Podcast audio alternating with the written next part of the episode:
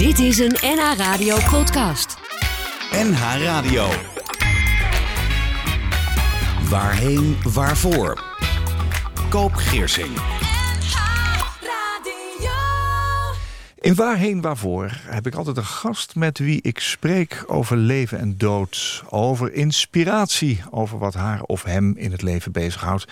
En vandaag is dat uitvaartondernemer Karel Winterink. Welkom. Goedemorgen. Ja, heel vroeg hè? Goedemorgens. Ja, voor ons is het ook heel vroeg. Jij organiseert graag intieme settings, Karel, om te praten over onze vergankelijkheid. Waarom vind je het zo belangrijk om daarover te praten? Hmm. We stappen er meteen in, hè? Ja, wat doen? Goedemorgen. God, ja. Praten over de levensthema's, hè? Daar heb ik een paar formats voor, om daar met elkaar over te praten. Gaan we het over hebben. Waarom vind je het zo elkaar- belangrijk? Ja, het is belangrijk om proberen de vinger erachter te krijgen waarom en waarvoor. Waar en waarheen, hè? Waarheen, waarvoor? Waarheen ook. Ja. Dus dat probeer ik in settings eh, met, bij elkaar te krijgen. En zoeken. Hardop denken. Ben, je zelf, brainstormen. ben je er zelf ook naar op zoek? Ja, ja, ja, toch wel, ja. Nog geen antwoord gevonden. Ben heel dichtbij. Ben heel dichtbij. Ja. Zeg ik smilend, hè? Maar nee, nee, nee. nee. Dit is zo'n onoverzichtelijke materie. Daar zijn wij als, eh, als, eh, eh, als Mensen. mensen... kunnen we een beetje aan tippen en over nadenken. En dan kunnen we ook plezier aan hebben. En daar kunnen we heel serieus over, doen. Maar we kunnen het ook eh, met elkaar spelende wijze ontdekken. En het laatste spreekt mij wel aan. Ja, vergankelijkheid. Is een belangrijk thema. Mijn gast in deze aflevering van Waarheen Waarvoor is Karel Winterink. Ze is eh, vijf jaar actief als uitvaartondernemer in Amsterdam en Haarlem en overal waar mensen hem nodig hebben.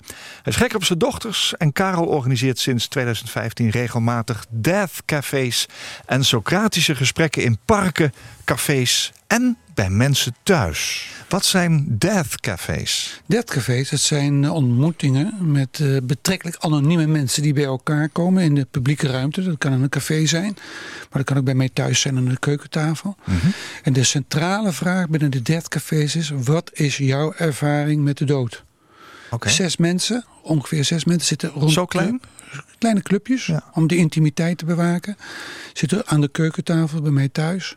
En krijgen allebei, alle zes, tien minuten de tijd om het antwoord te geven op die vraag: wat is jouw ervaring met de dood? Dus meer een antwoord zoeken. Na die tien minuten is er stilte en mogen de, de volgende sprekers spreken. En zijn de andere vijf sprekers echt muisstil. Oh, je kan niet onderbreken of vragen. Die tien minuten zijn helemaal voor jou. Oh ja. Dus het is echt een kwestie van onderzoeken, diep naar binnen gaan. Ja. Van jouw kant uit als spreker. En de andere deelnemers die moeten echt heel goed luisteren. En zo maken we een rondje van eh, een uurtje. Zes keer tien minuten. Hele intieme, of minder intieme. Maar net wat jij wilt vertellen over jouw ervaring met de dood. Ja. Verhalen komen langs. Daarna maken we een pauze. En dan komt er een vrije ronde waarbij je nog even dingen kunt uitwisselen. En daarna gaat ieder weer zijn weg.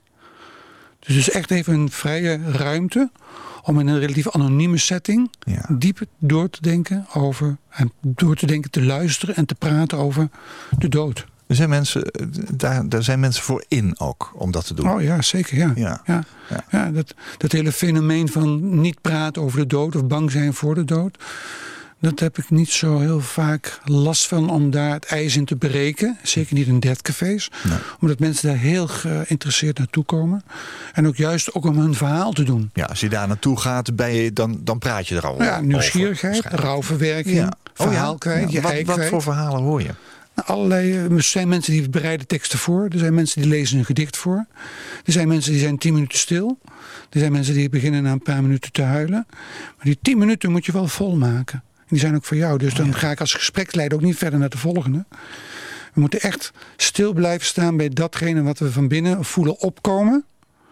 En wat je kwijt wilt op dat moment in die intieme setting. Ja, wat doe jij als gespreksleider? Hoe bereid je dat Als voor? gespreksleider doe ik eh, de inleiding. Ja. En ben ik zelf ook een van de sprekers. Dus ik ben ook onderdeel van de club. Oké. Dus de deadcafés moet je ook voorstellen. is een hele platte organisatie tijdens het gesprek. Ja. Iedereen is gelijk geschakeld. Ja. En praat over datgene wat hem op dat, of zij op dat moment beweegt. Het gaat ook heel erg dat we leren in zo'n deadcafé.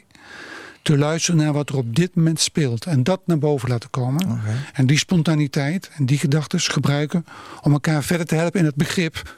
Wat is dat nou, dood? Ja, dus dit wat je me nu vertelt is eigenlijk kan ook een inleiding zijn voor zo'n gespreksronde. Er zijn al te veel, er zijn al te veel woorden. Oké. Dan praat ik al te veel over mezelf. Maar je vertelt ook je eigen ervaring, neem ik aan. Als een van de sprekers, ja. ja Maar absoluut. pas later. Dat aan het eind van het gesprek. Ja. En dat is ook juist zo belangrijk. Dat we geen onderscheid maken tussen de deelnemers aan het gesprek. Dus de gespreksleider stelt zich vaak boven of als leider. Ik mag wel introduceren, maar ik doe voor de rest gewoon wel mee als een van de sprekers. Ja. Dus heel belangrijk ook dat we allemaal gelijk zijn. En wat ook heel belangrijk is in een café, is dat je mensen aan tafel krijgt die ook echt daar zijn om dat te doen. Dus je gaat niet achterover zitten luisteren, behalve die 50 minuten, maar dat doe je op een actieve manier. Maar die 10 minuten, dan wordt ook echt wel wat van je gevraagd. Komen mensen terug? Mensen komen ook terug, ja. ja. Het is vaak een wisselend gezelschap, Ja. want het gaat vaak diep. Ik ga een beetje afvragen, wie komen daarop af? Er Ja. zijn net al mensen die bijvoorbeeld in de rouw zitten. Ja. Of mensen die überhaupt graag over de dood Ja. praten. Zou je er iets over kunnen zeggen? Nou, dat zijn mensen uit allerlei hoeken en gaten van de samenleving. Maar mensen die wel iets bij willen dragen aan het gezamenlijke. Ja. In dit geval dan via het thema van de dood. Mhm. Mensen die actief willen bijdragen. Ja, Hè? En mensen die ook niet bang zijn om even iets van zichzelf te laten zien. nee, ik snap het. In Death Cafés kun je jouw ervaring met de dood vertellen. En ook vooral wat dit met je doet of gedaan heeft. Het hoeft niet per se te gaan over een eh, overleden dierbare. Ik begrijp dat je het eh, ook kan gaan over een toneelstuk, een film, kunstwerk over de dood. En ja, je vertelde al, de spreker mag niet onderbroken worden. Er wordt alleen maar naar elkaar geluisterd. En ondertussen kunnen de deelnemers genieten van een kopje koffie of thee bij Ja. jou aan de keukentafel wat lekkers erbij. Zou je, zou je het groepstherapie of een bijeenkomst voor rouwverwerking kunnen noemen? Nee, het is geen groepstherapie. Want een groepstherapie, voor zover ik dat kan definiëren, Mhm. is, ben je ook echt bij elkaar om elkaar te helpen en Ja. verder te brengen. Ja. Op een actieve manier, hè, door dingen te vragen, Ja. dingen aan te dragen, richtingen te geven, mensen zelf te laten werken in een onderzoek van hoe kom ik verder in mijn ontwikkeling. Mhm. Bij een deadcafé is het bij elkaar zijn, praten, intensief luisteren en weer uit elkaar gaan. Ja. Dus het is een relatief anonieme manier en je zou het niet als een rouwverwerkingsding kunnen zien. Maar het is echt het moment wat, wat speelt om datgene te vertellen wat diep van binnen zit. Oké, nou heb ik daar 10 minuten gepraat en ik heb 50 minuten naar anderen geluisterd. Is er een conclusie aan het einde? Nee, geen conclusies. De conclusie is de, de, het gevoel wat je hebt van ik heb iets bijgedragen aan het communale, het gemeenschappelijke. Ja. En ik ben mijn ei kwijt. En ik ga met een eh, voldoende gevoel naar huis. Ja. Ja. Jij maakt dat vaker mee. Wat doet dat met jou? Zo'n deadcafé. Die gesprekken überhaupt? Ja, Al die nou, bij mij is het natuurlijk, ik maak het vaker mee. En ik heb op een gegeven moment ook gezegd van nou, misschien heb ik het al te vaak gedaan. En laatst was er weer een overlijden van een vriend. En daarna had ik een deadcafé.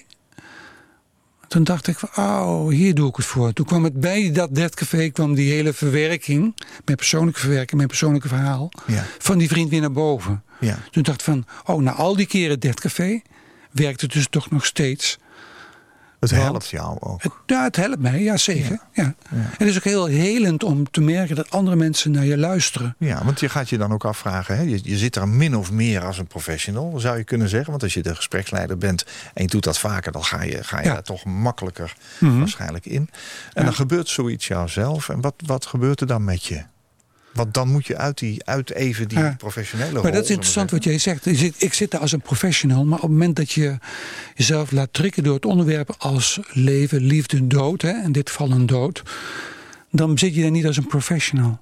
Als je dat op een authentieke manier naar boven kunt laten komen, dan praat je vanuit jezelf. Ja, maar wij zijn als uitvaartverzorgers Ja. natuurlijk ook met een andere rol bij een familie. Ja. Ook al hebben we het over Ja. die onderwerpen. Dat bedoel ik meer. Ja, ik ik snap dat je die insteek ook bedoelt.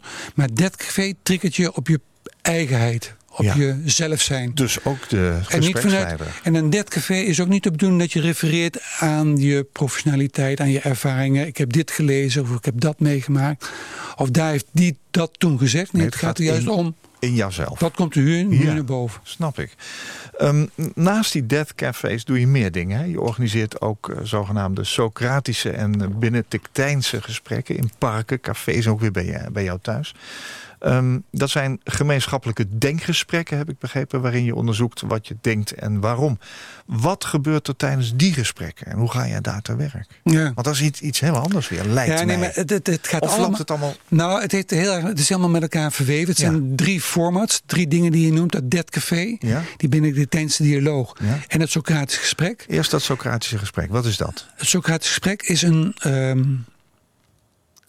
een oefening waarbij ik als gespreksleider, een opgeleide gespreksleider, mensen leidt in een gesprek om samen op basis van argumenten te filosoferen.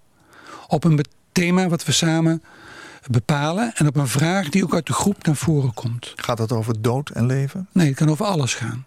Ja, Dead Café is dan weer typisch ons pakje Jan, hè, dood. Ja. Maar binnen de tijdens dialoog en Socratisch gesprek kan over alles gaan. Zoals je over dood kunt filosoferen. Maar Socratisch gesprek gaat wel over filosoferen over een hele concrete vraag. En gedurende die uren dat je met elkaar aan het filosoferen bent, volgens bepaalde regels. En die zijn wel vrij strikt. Ja, wat, zijn die regels? Ben ik even ja, benieuwd. eh, Mag elkaar niet onderbreken? mag elkaar niet onderbreken. Maar je mag ook niet iets zeggen als je niet het woord krijgt van de gespreksleider. Oh ja. En dat is heel interessant. Want we zijn al gewend in de sociale context om een beetje door elkaar heen te praten. En het woord te nemen. En te sturen? En ook niet bepaald goed opgeleid om naar elkaar te luisteren. Dus je mag pas iets zeggen wanneer de voorzitter jou het woord geeft. En de rest van de tijd, als je niet het woord krijgt, dan moet je gewoon heel erg goed luisteren. En zorgen dat je bij het gesprek blijft. En ook een andere ding bij het Socratisch gesprek, heel interessant vind ik zelf. Het gaat er niet om dat je zegt van ik vind dat. Maar het gaat erom dat je in dat gesprek argumenten, filosofische argumenten levert die het gesprek verder brengen. Dus als jij, Koop, op, meedoet aan zo'n gesprek en op het puntje van je stoel zit om te zeggen van ja, maar ik vind dat, Ja. dat is niet interessant en dat is niet de bedoeling. Het gaat erom dat je het gesprek, het collectief gesprek verder brengt. Dus we moeten verdiepen. En de rest van de tijd moeten we ons oefenen in het luisteren naar elkaar. Ja. En dat is zo belangrijk. En daar overstijgt die formats, hè, die dialoog en die gesprekken ook het idee van dat het werkt alleen maar daar ook. Volgens de regels die we hebben afgesproken en die ik van tevoren inleid. Ja. Maar belangrijk is ook dat we goed en aandachtig naar elkaar luisteren. Ja. En dat we die lessen uit die bijeenkomsten ook meenemen Ja. Ja. Jij, in jij- ons dagelijks leven. Hè? je zou kunnen zeggen, je, je praat en denkt veel over veel thema's. Dood en leven zullen daar een soort rode draad in zijn. Je hebt daar drie formats voor. De Death Cafés heb je net verteld. Eh, dit was het Socratisch gesprek. Er is ook nog zoiets als het Benedictijns. Wat Ja. is dat? Zit daar de stilte vooral in? Ja, de Benedictijnse dialoog, dat is contempleren, mediteren op basis van een tekst. Dat deed die Benedictus al 1500 jaar geleden Ja. met zijn monniken. Hè? Ja. Die kwamen bij elkaar, namen een stuk tekst, een van de heilige teksten. En gingen heel goed luisteren naar wat hun in die tekst boeide. Dat deelden ze met elkaar in drie rondes. En daarna gingen ze naar hun kluisjes terug. Om daar verder op te mediteren. Ja. En ook die gesprekken gaan er niet over van ik vind dat, maar dat je goed luistert naar wat je zelf in die tekst ontdekt. Die woorden of die enkele zinnen, die verwoord je. En leg je heel kort uit waarom. Dat is één ronde. En tussen elke gespreksnotities van de verschillende deelnemers zit ook weer die stilte. Snap Hè? ik. Dus elke keer weer ook. Ja, de Engelsen hebben daar mooie termen voor. Die noemen dat inquiry onderzoek en deep listening. Oké, deep dus listening. Dat is hou je mond. Hè, wij zitten hier nou gezellig te praten. Leer luisteren. Maar hoe is het om een uitzending te hebben waarbij je alleen maar stilte hoort? Ja. Nou, de luisteraars zullen dan misschien afhaken. Die haken maar in af. Een, die haken af. Maar in een groepscontext is het belangrijk om daar wel aandacht aan te geven. Om dat ook te oefenen. Ja. En dat zijn hele inspirerende momenten. Ja. Want dat zijn die stilte die maakt juist dat het mogelijk is om naar binnen te gaan. Maken deze drie formats dat jij een betere uitvaartverzorger kunt zijn? Haha. Ja. Dat is heel moeilijk om te zeggen. Wat vind je Ik denk, zelf? dat, nee, maar ik denk wel dat het Helpt- me helpt. helpen ze je? Het helpt me wel, ja. Ja. ja. Nee, maar kijk, uitvaartondernemer. Jij, jij bent ook eh, Ja. een uitvaartondernemer. We zijn collega's. Ehm, ja, kijk, dat gaat heel erg over luisteren. Ja, En heel erg juist. aandacht geven aan. Ja. En dat gaat heel erg over betrokkenheid. En niet zeggen ik vind. Ja, wat zou mijn mening dan de familie een zorg Ja. zijn? Ja. Ja. Nee, ja, daar heb je een goed punt. Ja. Stilte is ook een belangrijk hè, in het contact. Uiteraard. Ook in, die, ook in die Je praktijk. kunt de hè. stilte heel goed laten werken. Ja, nee, maar op we hebben heel erg de neiging, ook, ook, ook in gesprekken, hè, om dingen aan elkaar te. Nou, dat weet je als programma maken, alles moet vloeiend aan elkaar. Ja, maar laat er eens dingen tussen vallen. in dat je? werk is dat toch anders. Hè? Als je bij mensen één op één aan tafel zit. Nee, maar een goede reden. hè? Maar in sommige contexten is het fijn om dat wel te gebruiken. Ja, ja. Ja. dankjewel. Ehm ik heb jou toch drie dingen voorgelegd. Je hebt ook al opdracht meegekregen voordat je hier naartoe kwam. Ehm, kies nou eens drie liedjes uit. Hmm. Waarvan jij op dit moment misschien wel het idee hebt dat als je overlijdt zelf. dat je deze liedjes zou willen laten Ja, ja, ja. horen. Ja. Eerste is een van de Talking Heads. Waarom? Ja, de Talking Heads. Kijk, deze, de keuze voor mij was beperkt in dit geval tot de populaire muziek. Hè? Wat jij wilde? En de Talking Heads is dan een van de ja, godfathers in mijn beleving hè, van die eh, 80, 90 jaren. Ja, die heb jij En die overigens- zo'n waanzinnige documentaire die toen uitkwam, Stop Making Sense. Ja. Ik weet niet of je die nog kent. Jazeker. Waar David, ehm, heet hij David Byrne Burn. als eh, voorman. Hè? Ja, geweldig documentaire. Nou goed, dus dat kwam toen ontzettend binnen. De Talking Heads, dat was de New Wave. Net rond voor en na de punk. Hè? Eh, eh, eind jaren zeventig begon Eind jaar zo. Dus Ja. eigenlijk al een voorloop Ja. van de punk. Maar nou die ja, goed, die was rond die tijd, hè? ja, ja, ja, ook rond diezelfde periode. 677, Ja, ja, ja, ja, zeker. Sex Pistols. Maar dat was ook interessant van die periode, omdat die muziekstijlen ook naast elkaar konden bestaan. Ja. Dus je had wel die punkperiode, waar ik ook met een klein beentje in stond. Maar de, deze zachtere new wave muziek sprak mij veel meer aan. Heb je ze live gezien? Vandaar dus, nee, ik heb ze nooit live gezien. Nee, want je werkte in die tijd in Door een Roosje. En door een roosje. Hè? Dat was de Nijmeegse melkweg. Hè? Ja, daar kom je vandaan. Dat horen we ook een heel klein beetje. We gaan luisteren naar Talking Heads.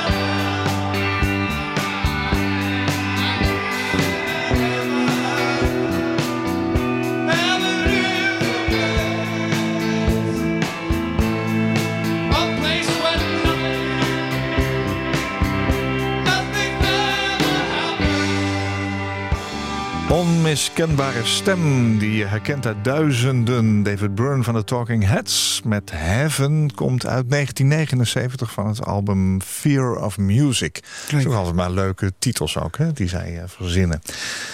Ehm, Karel Winterink zit naast mij hier in de studio bij Waarheen Waarvoor. Eh, heel fijn dat je er bent. Jouw bedrijf heet Uitvaren. Dat vind ik zo'n mooi woord. En eh, je zegt het verlaten van de veilige haven, onze vertrouwde plek. We verlaten ons lichaam om op weg te gaan naar een andere bestemming. Op de golven van wat het leven ons gegeven heeft, verkennen we de weg naar de dood, het doodgaan en wat daarna komt. Ik vind het zo'n mooie symbolische omschrijving. Ben je zelf religieus? Mm, nee, religieus zou ik niet noemen. Nee. Ehm, er geïnspireerd wel. Is er iets meer? Het zit, zit wel een dood? beetje in mijn achtergrond, hè? het katholieke. Hè? Benedictus kwam net voorbij. Hè? Binnenkort ga ik met mijn vrouw de wandeling maken van Assisi naar Rome. Dus de erfenis van mijn moeder, die was gek op van Sint Franciscus. Hè? En waarom doe je dat dan? Nou, dat is dan die eh, voetstappen van mijn moeder. Dat opzoeken van die roots. Hè? Mijn moeder is overleden al een tijd geleden. Ja. Twintig jaar geleden of zo. Ja. En dat, dat blijft dan hangen. Hè? Dat zijn culturele roots. Spirituele roots ook. Mijn moeder was nogal eh, anti-paaps. Dat was een, een beetje Hedy Dancona-achtige feministe. hè? Ze was wel katholiek, maar toch niet zo voor de paus. Nee, maar ze zijn ook op tijd van hun geloof gevallen. Ook, Oh, ja. eh, daar had ik ook mijn voordeel mee gedaan. Oh, voordeel Dat ik niet zelfs. te veel geïndoctrineerd raakte door de katholieke kerk. Dus dat wel, hè? dus die religieuze achtergrond, daar kan ik me makkelijk tegen afzetten. Niet dat ik daar nou behoefte aan heb, maar Ik- Even tussendoor, jij woont in Amsterdam. Jouw roots liggen in de Achterhoek. Achterhoek, ja. eh, Doe- Doesburg. Doesburg. Toen ben je naar Nijmegen gegaan. Via- Daar heb je door een roosje gedaan. Nee, maar dan snappen we, luisteraar, Ja, ja, heel goed. eventjes van waar je vandaan komt. En is dat een katholiek gebied? Ja, Nijmegen nou, wel, Doesburg, maar Doesburg de Achterhoek is eh, voor een groot gedeelte katholiek. Hè? Oké. Maar bij ons op het dorp en ook in het stadje Doesburg had je katholiek en protestant. Het ene kamp of het andere kamp. Tuurlijk. Zo werkte dat. Ja, ja. Nou, gelukkig werden mijn ouders. waren ze op een gegeven moment geen lid meer van welk kamp dan ook. En ehm, heeft mijn vader zijn zaak in Doesburg Centrum verkocht. Hij had een, hier een modewinkel. Kijk aan. Daarvoor was hij kleermaker. Ik ben kleermakerszoon. Kan ik nog met trots vertellen. Ambachtelijk beroep, hè? Heel secuur beroep Heb ook. je dat zelf gedaan? Nee, ik heb nooit een kleren, kleren in elkaar gezet. Nee, Nee. maar ik heb mijn vader wel zien doen. Ja. In kleermakers zitten op zo'n grote bank. Ja. Draden, naald. Heel secuur werken. Hè? Ja. En ook mensen de maat nemen, hè? Ja. Letterlijk. Oh, ja, Om- uiteraard, ja. Nee, nee, nee. Op een hele schappelijke manier Ja. past het. Snap ik. En dan stond ik als kleine jongen te kijken hoe de mensen dan weer kwamen passen. Ja. In een, in een, om het pak te proberen wat hij dan met groot steek aan elkaar had gezet. Om te kijken of het inderdaad... En dan werd het afgemaakt, geperst. En dan maakte werd het het, helemaal het- mocht ik ook wel eens mee met mijn vader om dat pak af te leveren bij de klant. Oké. Dat was echt een ritueel ook. Hè? Dat was niet zomaar een pak kopen, maar een pak laten maken. Tegenwoordig is dat weer een beetje in. Niet alleen maar voor de jetset, maar ook voor ook nog wel weer betaalbaar geworden. Maar een pak maken, dat was echt een ding. Ja. En dat was ook een ding wat je kocht voor je hele leven. Dit zegt ook wel iets over hoe wij nu consumeren. Maar toen de tijd kocht je gewoon een pak. En dat hing je netjes weg, je zondagse pak. Ja. En dan deed je een flink deel van je leven mee. Nou hè? weten we waar jouw roots liggen. Ehm, jij gaat binnenkort die wandeling met jouw vrouw maken. De vraag was, ben jij religieus? Hè? Ehm, eh, dat katholieke zit er dus een heel klein beetje in. Maar tegelijkertijd, als ik de website van eh, jouw bedrijf lees, dat uitvaren... dan lijkt het alsof je ook ergens nog rekening houdt met het feit... dat die reis naar die dood nog Hmm. verder gaat. ja. Heb ik dat goed gelezen of goed De begrepen? reis naar de je dat anders? Nou, het is nu ook vooral dat ik benieuwd ben natuurlijk naar de, de reis naar de dood. Hè? De reis tijdens het doodgaan, hoe zit dat in elkaar? Ja. En ook natuurlijk wat jij zegt, de reis na de dood. Hè? Wat is er daarna? Ja.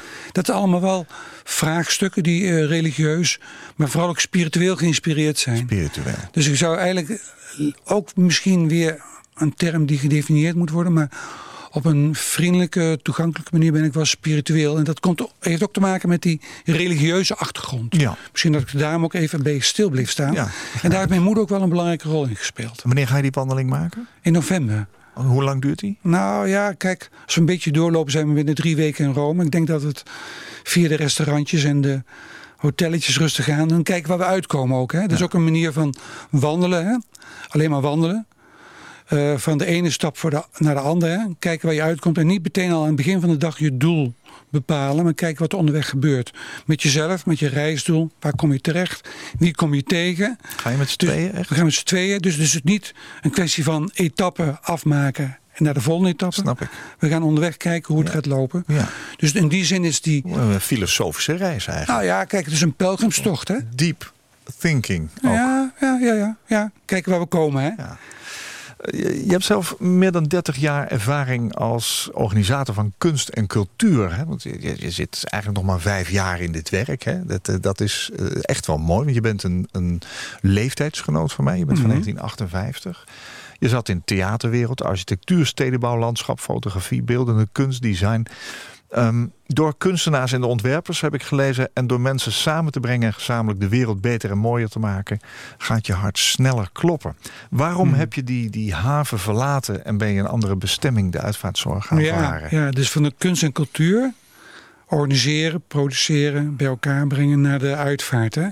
Dat, heeft ook, dat heeft toch te maken met die eh, familieleden. Hè? Een, eh, een, eh, mijn schoonmoeder, schoonzus, tweede schoonzus, een paar vriendinnen uit Nijmegen, een tante. Die gingen allemaal om in die periode dat mijn eigen baan binnen de kunstcultuur op de tocht stond door bezuinigingen. Mhm. En eh, toen dacht ik van, ga ik door in de kunstcultuur of ga ik meer voor mijn eigen zelfstandigheid? Ja, En voor datgene wat me echt nu bezighoudt, ook in deze fase van mijn leven. ja. En toen kwam ik toch wel uit op die, dat, dat eh, de dingen zo willen doen, zoals ik ze belangrijk vind om te doen. En ook inderdaad op een intensieve manier van één op één, van mens tot mens, zorg verlenen. ja. En dat zorg verlenen, dat is eigenlijk de kern van mijn bestaan nu. Dat ik, als ik dat voor mensen kan betekenen, ze kan steunen en ze verder brengen in hun proces, dan gaat mijn hartje verder en sneller van kloppen, ja. ja. Dus Ja. het was ook een hele goede keuze om dat te gaan doen. Ja, ik ben er heel blij mee. Ja. dicht, dicht bij jouzelf. Ja, nou ook om mezelf de ruimte te geven om iets anders te doen dan die 30 jaar daarvoor. En kijk wat er dan ontstaat en wat er dan gebeurt. Was dat makkelijk? Eh, nee, niet, niet per se makkelijk. Nee, nee. Zoekend. Hè? Kijk, een nieuw beroep, een nieuwe omgeving. En wat deed Dus- dat met jou dan? Wat het met mij deed, onzekerheid. Ja. Slaat toe. Ja. Hè? Twijfel. Maar aan de andere kant ook eh, mijn knopen goed tellen. En wat jij ook aanhaalde. Kleermakersuitdrukking. Hè? Ja, weer die kleermakersuitdrukking. Ja, hè? ja. ja, leuk. Ja. Ehm, nee, goed. eh, dus onzekerheid tegenover des te duidelijker weten wat je wilt. Hè, dus doorgaan op het pad. Heb je het alleen gedaan? Eh, Heb je hulp gehad? Voor een groot gedeelte alleen, maar ik heb wel een heel support verlenende omgeving. En, maar dingen wat jij ook aanhaalt van mijn website, hè, het uitvaren, dat soort dingen komen binnen. Onder andere ook via het beeldmerk wat ik gebruik voor mijn onderneming. Ja, iemand Hè, op een boot, hè? Dat mannetje Ja. op een boot. Ja. In een kajak, een kano. Hè. Ik ben nu ook gaan kajakken, dat deed ik vroeger ook. Maar dus ik ben aan de IJssel geboren, het stromende water. Nou, en de, de rivier is altijd, in mijn beleving, het symbool geweest van avontuur. Dat water wat maar door blijft stromen en voorbij komt, waarvan Ja. je niet weet waar het naartoe gaat. Het is water, hè, het overzetten. Hè, ook het, de symboliek vanuit de oude Grieken, het oversteken van de Styx. Hè, al dat, die symboliek, die helpt mij ook en heeft mij ook geholpen en nog steeds om dat thema te benaderen. Het thema van doodgaan en ook de invulling geven aan die, die zorgverlening. En daar komt dus eigenlijk alles samen. In, in deze fase Daar van je komt, daar leven. komt het samen. Maar wat ik ook wil zeggen is dat dat beeld, dat schilderij van die vriendin... heeft mij geholpen om te komen tot het idee van uitvaren... Ja. en de beeldvorming en een goede symboliek... waarmee ik mijn verhaal kan maken. En daarmee ook mijn eigen zekerheid opbouw over datgene wat ik wil. You know that it would be untrue. You know that I would be liar if I were to say to you, Girl, we couldn't get much higher. Come on, baby, light my fire. Come on, baby, light my. Try to set the night on fire.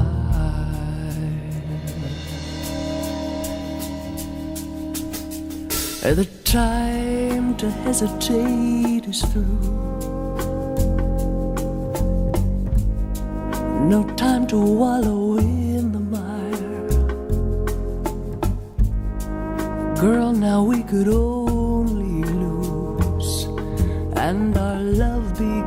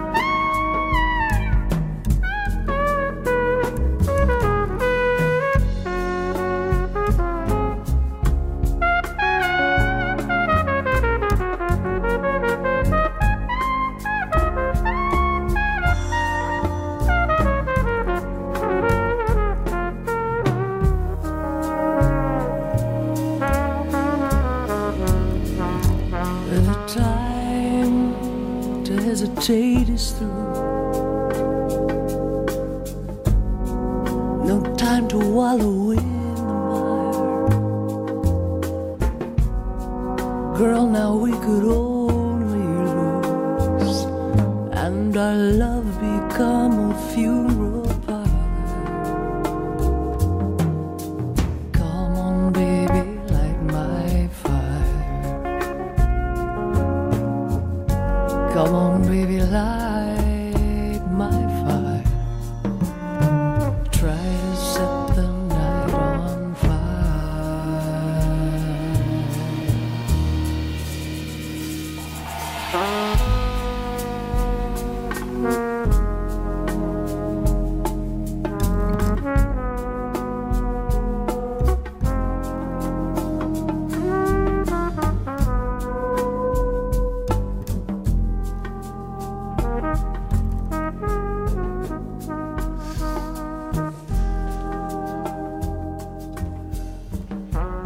Je die melodie natuurlijk herkend hè, van de Doors Light My Fire, maar dan door eh, Patricia Barber, Amerikaanse jazz- en blues zangeres. Ze speelt ook eh, jazzpiano.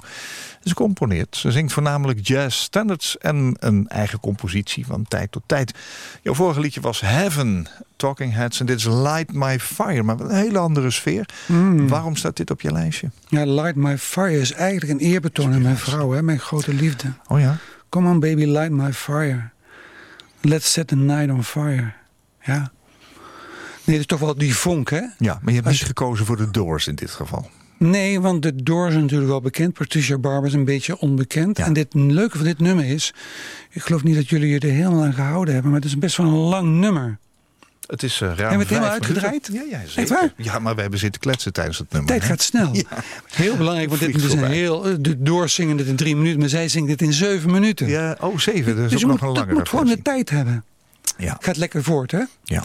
Nee, het is echt een, ehm, een, eh, een, mo- een mooie tekst hè, vanuit die 70 jaren. Jim Morrison was net voor onze tijd, hè, maar wel een van mijn grote helden.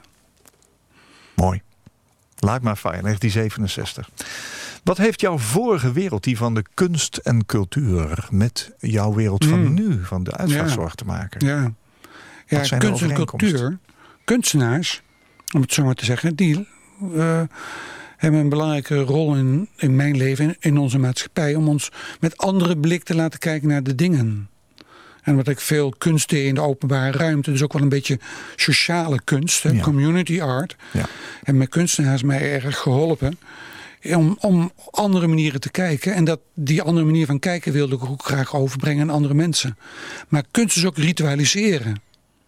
Het maken van een kunstwerk, het installeren van een kunstwerk, het betrekken van andere mensen bij het kunstwerk. Het heel, heel erg met vormgeving. Mhm. Hoe betrek ik mensen? Hoe, ja, hoe geef ik ze mijn boodschap mee? Ja. Welke vormentaal kies ik? Dus het ritualiseren van een kunstenaar eigenlijk is een, een soort priester in de kunst. Hè? Dat gebeurt ook binnen eh, mijn werk van uitvaartondernemer. Dat ik samen met de familie eh, manieren zoek om dat verdriet, om dat afscheid in een vorm te gieten. Die misschien traditioneel kan zijn, maar die misschien ook af en toe een beetje kan afwijken. Of dat de familie andere dingen ontdekt dat ze het kunnen doen. Andere manieren van afscheid nemen dan de traditionele manieren. Dus het ritualiseren, het vormgeven, het zoeken naar andere manieren, met die andere blik kijken. Hè? Dat is wel een parallel met mijn kunstentijd. Ja. En dat vind ik ook wel een belangrijk ding binnen de uitvaart. Dat we, wij als uitvaartondernemers, hè, mensen helpen om ook eh, te reflecteren. Ja. Kunstenaars doen niks anders. ja. Ben je achteraf gezien gelukkig dat dit op je pad gekomen is? Ja, ja. Want het- het, het- het, wegbezuinigd worden is een, een heel naar proces. Ook een proces van rouw Mhm. en verdriet en loslaten. Ja. Boosheid misschien wel. ja, ook wel. Ja, zeker. Maar het- kun je achteraf zeggen, ik heb het ervoor over gehad. Ja, absoluut. Ja. Dus met die bezuinigingen die toen de tijd mijn eh, baantje hebben gekost. eh, op, in eerste instantie natuurlijk negatief zijn ingestoken. Bezuinigingen, ook een negatieve energie. Heeft voor mij gelukkig heel anders uitgepakt. Ja. Doordat ik nu een draai heb kunnen maken binnen die uitvaartwereld.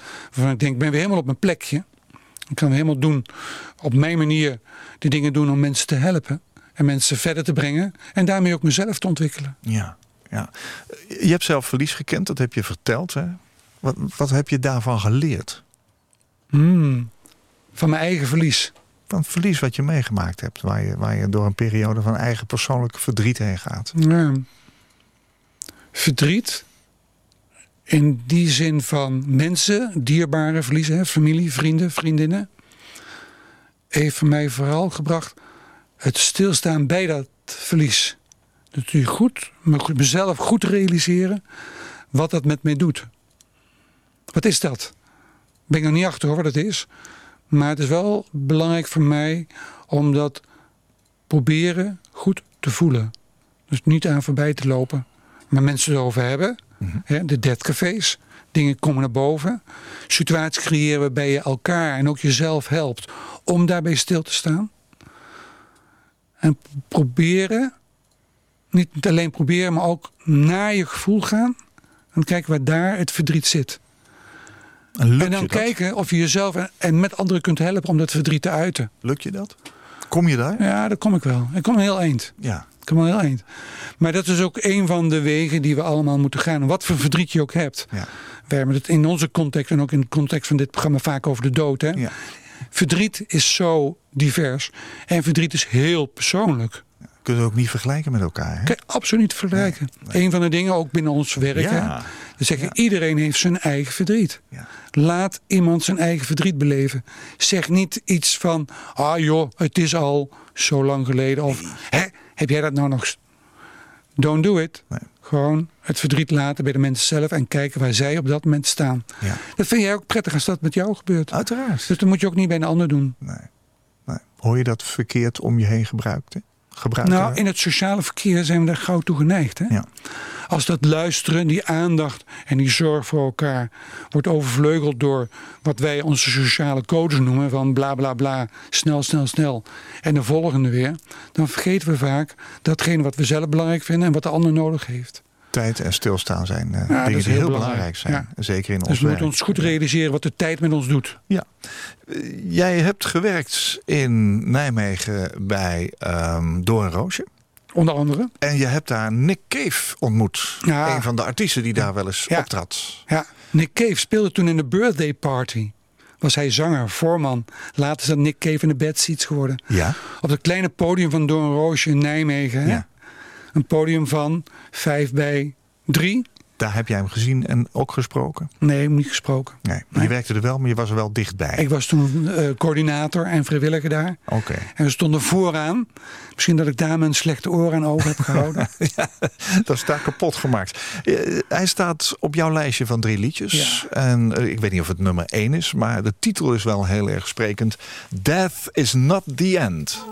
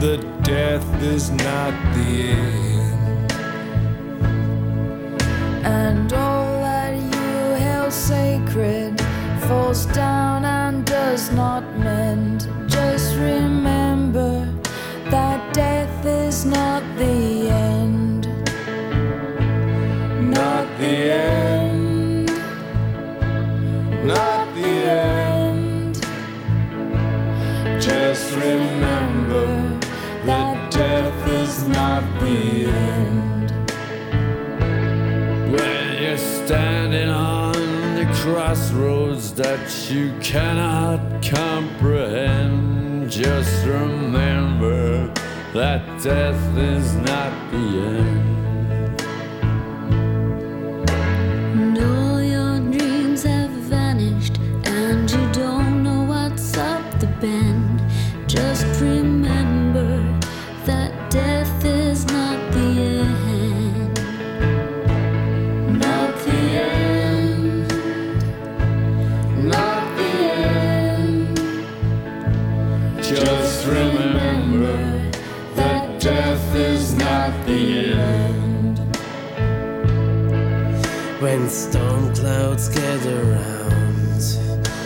And heavy rains descend, just remember that death is not the end.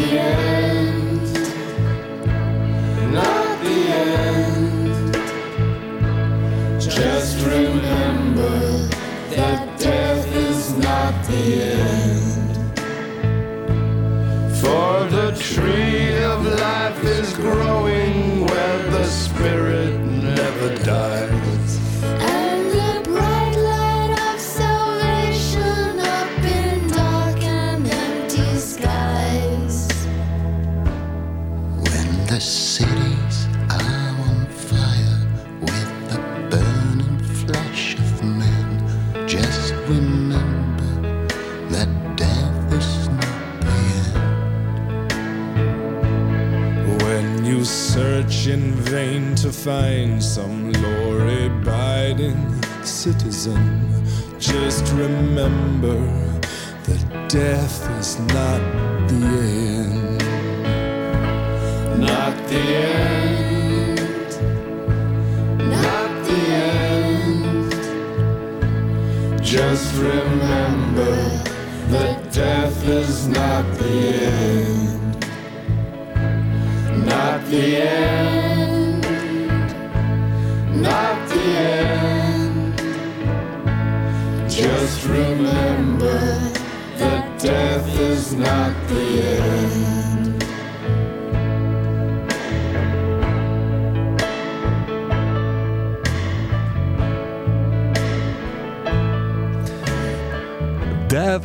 Not the end. Nick Cave and the Bad Seeds. Eigenlijk een hele mooie eh, melodie. Hè? Komt van het album Murder Ballads.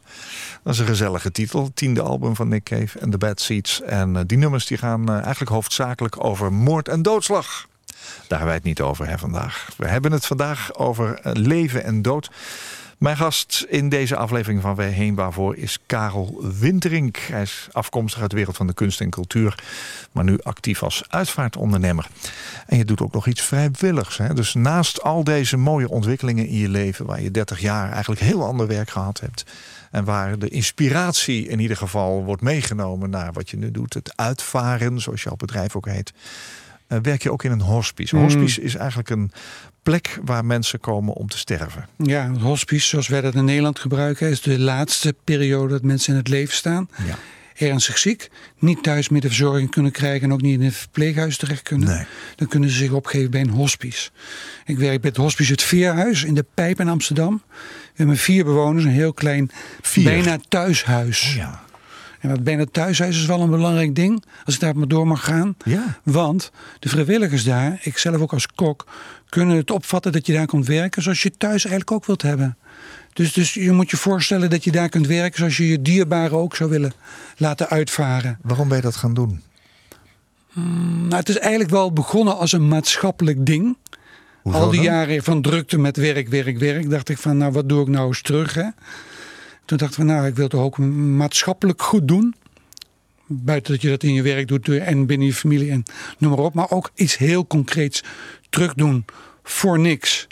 Voor de maatschappij. Dus toen dacht ik van, nou vrijwilligerswerk. En dat wil ik al heel lang doen.